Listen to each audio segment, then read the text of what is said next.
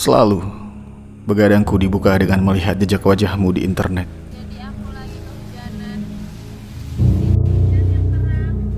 Melihat mozaik dirimu yang membaur dengan beraneka macam filter yang entah mengapa kau selalu gunakan filter sebab bagiku cantikmu melebihi Dewi Kipas. Terlebih kulit di wajahmu itu yang tak ada celah bagi pori-pori. Andai kulit di wajahku sehalus dirimu. Bulatan berlingkar dengan gradasi warna pink keunguan itu selalu ada di paling kiri layar ponselku. Notifikasi kunyalakan khusus untukmu, untukmu. Tak ada ruang untuk akun-akun penyebar giveaway atau postingan penuh birahi. Lewat video 15 detik itu, yang ternyata selalu bisa kuputar ulang, kau bagikan kisah.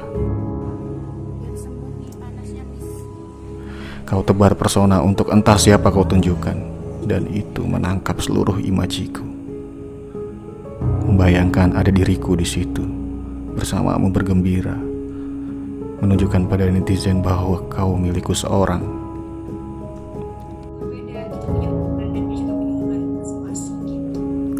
Hei, apa kau sedang mempermainkanku?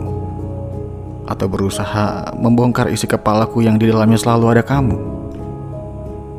Sebab instastorymu serupa supernova yang ledakannya melebihi apa pun.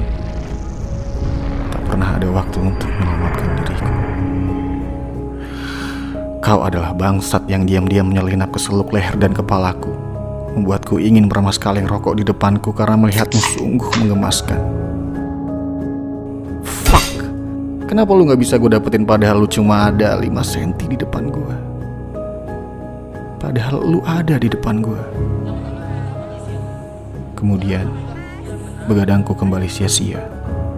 Habis melihatmu yang tak pernah bisa kuajak ngopi atau sekedar makan gudeg di Gejayan di jam 11 malam. Aku kembali ke siklus. Kembali ke kehidupanku yang payah. Sendiri. Bernafas layaknya pengemis yang begitu butuh dirimu.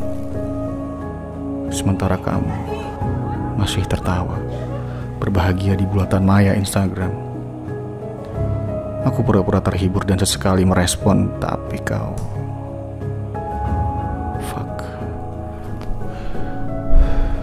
bangsat.